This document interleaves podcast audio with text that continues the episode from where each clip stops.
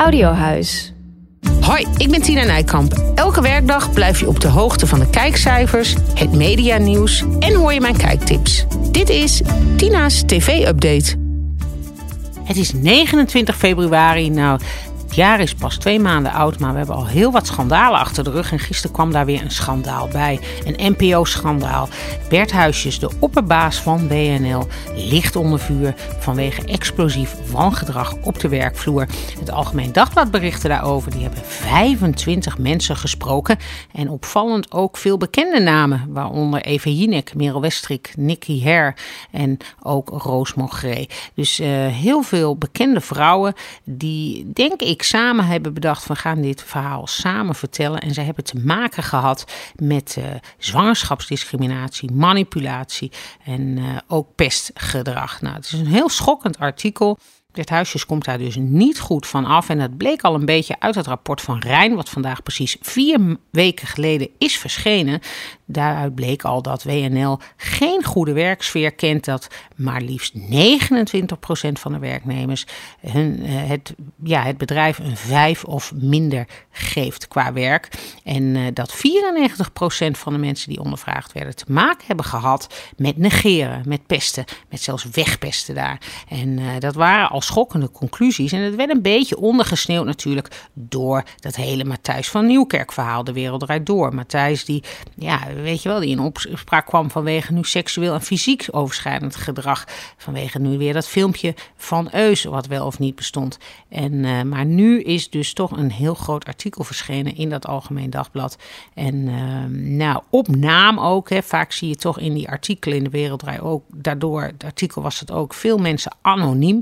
Maar hier dus ook veel mensen op naam. En ook nog hele bekende vrouwen.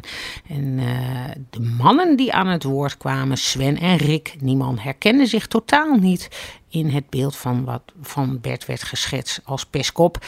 Dus zij hadden een hele fijne samenwerking. En ik vind dat ook helemaal niet gek. En dat verbaast me ook niet. Want ik denk dat Bert Huisjes heel erg torenhoog opkijkt naar Rick en Sven. En misschien wel zelfs hen had willen zijn. Weet je wel, van die ja, gewaardeerde ja, de, journalisten. Die ja, staan toch allebei bekend als een van de betere journalisten van Nederland. Dus uh, ik denk dat Bert vooral heel veel bewondering voor die mannen heeft. En dat zie je ook wel als hij dus dan uh, op, bijvoorbeeld op die foto bij WNL op zondag wordt er dan elke zondag zo'n foto gemaakt met de gasten. En daar staat Bert dan ook altijd bij. Dat is natuurlijk ook veelzeggend. Hij wil graag bij die club horen. Dat, dat spreekt daar ook wel uit. Hij vindt dat volgens mij zijn belangrijkste programma. En, uh, maar goed, zometeen meer over WNL uh, qua programma's. Maar nog even over dat artikel. Want die Raad van uh, Toezicht, dat is het orgaan, zeg maar, dat Bert Huisjes, de, die directeur is overigens en hoofdredacteur. Het is een soort eenmanszaak. Um, en pas geleden is er pas een tweede directeur bijgekomen. Eigenlijk vlak voor dat rapport van Rijn uitkwam, drie dagen daarvoor. En die Raad van Toezicht, die heeft meteen een statement eruit gedaan eigenlijk. En daaruit blijkt dat zij vierkant achter Bert Huisjes staan en Fons van Westerlo. En uh, die zit in de Raad van Toezicht al meer dan tien jaar, bijna twaalf jaar zelfs. Wat heel raar is, want Normaal kan dat natuurlijk niet, want als toezichtorgaan mag je eigenlijk maar twee keer vier jaar uh, daarin zitten. Maar goed, hij heeft daar een, uh, ze hebben daar een uh, toestemming voor gekregen om dat te verlengen. Dat is ook al eerder gebeurd met iemand daar uit die raad van toezicht. Dus dat is voor hen heel normaal. En dat geeft ook wel te denken. Het is een beetje raar om daar heel lang diezelfde mensen in te hebben zitten. Maar goed, in ieder geval Fons van Westerlo, die zei ook in, ja, in een interview van... Ah, het zijn toch geen doetjes, die journalisten. Dus ze staan vierkant achter Bert en ze denken dat het is om Bert kapot te maken. Nou goed, het is wel heel erg uh, ja, het bagatelliseren van al die uh, ja, mensen die daar, van die klachten. Die mensen hebben daar echt nog steeds last van ook, vertelt het artikel. Dus uh, nou, wat kun je daar nou aan doen? Hè? Wie, wat is dan die Raad van Toezicht? Nou, die Raad van Toezicht die kan, is eigenlijk de enige die Bert Huisjes weg kan sturen. De NPO kan aan zich niet zoveel doen. En de Raad van Toezicht op zijn beurt kan weer worden weggestuurd door de ledenraad. Dat is het hoogste orgaan binnen een publieke omroep. En uh, nou ja, dat zegt het al, daar zitten dus de leden van een omroep in. En die, uh, ja, dat is een orgaan die vertegenwoordigt die leden. En die kunnen dan weer die Raad van Toezicht naar uh, huis sturen. Dus ja, alleen die zouden nog in kunnen grijpen. Want die Raad van Toezicht gaat in ieder geval niet ingrijpen. En uh, wat natuurlijk een saillant detail is, de NPO kan niet zoveel doen, maar dat Fons van Wesselo, zijn zoon Remco, die is weer heel hoog bij de NPO. Die is daar namelijk manager video. En uh, nou, ik ben dan wel benieuwd hoe die privégesprekken thuis gaan, want ik neem aan dat ze het daar wel over hebben thuis, over uh, deze hele situatie. En ik ben benieuwd wat Remco daar ook van vindt en of die ja, de mening deelt van zijn vader, of dat ze het er juist helemaal niet over hebben, juist om ja, allerlei moeilijke discussies te voorkomen. Maar in ieder geval, dat is nog wel een saillant detail daaraan. En uh, nou, ik verwacht eigenlijk dat die Bert Huisjes daar voorlopig gewoon blijft zitten. Of die ledenraad moet dus in uh, opstand komen. En wat natuurlijk weer bijzonder is, ook weer heel vreemd, is dat uh, vorige week stond nog op de site van WNL stonden eigenlijk in die raad van toezicht maar twee mensen, Loek Hermans en Fons van Westerlo. En sinds gisteren staat daar ook weer iemand bij. Dus ze hebben blijkbaar heel snel iemand erbij gevonden of iemand snel op die site gezet die al was gevonden. Dus die raad van toezicht staat, bestaat weer uit drie mensen en is nu ook een voorzitter bij Loek Hermans.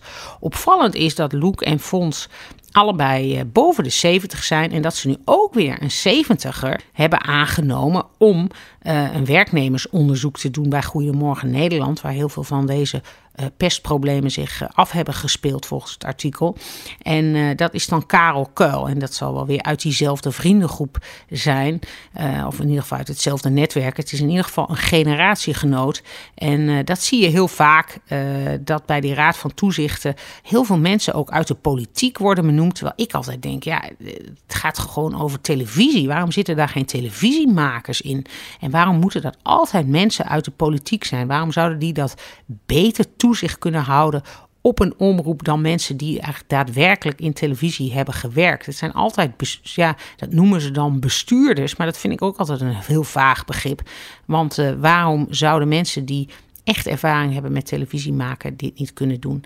Maar het is een heel gesloten club, die hele NPO. Je komt daar heel moeilijk tussen. Het is een, ja, een, netwerk van ja, zo'n old boys network, hè, zoals ze dat noemen. En als buitenstaander en ook als vrouw is het heel moeilijk om daar uh, ja, binnen te komen, omdat het ja, heel ouderwets nog is. Het hele systeem is natuurlijk, dat zegt zelfs Frederik Leeflang ook, wel over de datum en het aantal omroepen moet natuurlijk ook gewoon terug. Want is dit nog wel werkbaar op deze manier? Nou goed, een heel groot artikel dus, een heel heftig artikel. Was dat dus wat gisteren rond vijf uur naar buiten kwam. Goed, uh, bij VI uh, zou Gordon komen. Dat was gisteren ook nog. Uh, speelde dat en die kwam niet. En nou goed, volgens mij is daar alles nu wel over gezegd en geschreven over Gordon. En nou goed, dat was de dag van gisteren. Oh ja, ik zou het nog even hebben over WNL als omroep. Kijk, wat, wat doen zij nou? Hè? Want er werd ook in dat, die raad van, in de persbericht van WNL gezegd van ja, en Bert is een fantastische hoofdredacteur. Nou, prima allemaal, dat mogen ze natuurlijk allemaal vinden. Maar wat doen zij nou eigenlijk precies? Nou, dat valt dus heel erg mee. Zij doen niet zo heel veel programma's. Zij doen Goedemorgen Nederland. Dat is dat ochtendprogramma. Dat hebben ze overgenomen van de KRO overigens. Dat bestond al lang. Dan doen ze natuurlijk WNL op zondag. Dat is een heel succesvol programma met uh, Rick Nieman. Dat scoort echt elke week uh, hele goede cijfers. En dan hebben ze natuurlijk op één als uh, ja, wel echt ja, een bekend programma waarin ze in zitten samen met de EO en Omroep Max op dit moment. En ehm, nou, dat is het dan ongeveer. Dan hebben ze nog de Stand van Nederland, dat is een NPO 2-programmaatje. Maar hun andere programmering, ze hebben dus alleen maar nieuwsgerelateerde programmering. Maar bijvoorbeeld, ze hebben geen uh, reality-programma's, geen quizzen. Weet je, het is allemaal heel erg op nieuws gericht. En uh, de dingen die ze dan doen, want dat willen ze natuurlijk wel, want je moet natuurlijk wel een volledige omroep zijn. Die proberen ze wel, maar bijvoorbeeld vorig jaar is die Bodyguard hartstikke mislukt. Hè, op NPO 3 wel, moet maar presenteerde dat. En ook Dragon's Den, onlangs nog uitgezonden op NPO 1 nota bene, is geflopt. Dus uh, ze hebben wel een wat eenzijdig programma uh, ja, inhoud. Ze hebben niet heel veel verschillende genres die ze uh, hebben. En veel minder ook dan alle andere omroepen. Dan gaan we snel naar de kijkcijfers. Uh, gisteren viel op dat VI na die klimaatactivisten van uh, dinsdag gisteren weer zonder klimaatactivisten veel beter scoorde. Terwijl die concurrentie was veel hoger, want er was namelijk voetbal, vrouwenvoetbal, Nations League op NPO 3. Dat scoorde bijna een miljoen kijkers. Maar VI had in tegenstelling tot dinsdag nu ook meer dan een miljoen kijkers weer. Gewoon uh, eh, 8000 daarboven zelfs, dus meer dan een miljoen. En de, dag, en de dag ervoor dus, met minder concurrentie en die klimaatactivisten hadden ze 914.000 kijkers. Dus Grijp had hartstikke gelijk dat het niet bij het format past om uh, twee onbekende klimaatactivisten aan de bar neer te zetten. En uh, nou goed, dus dat is opvallend nieuws.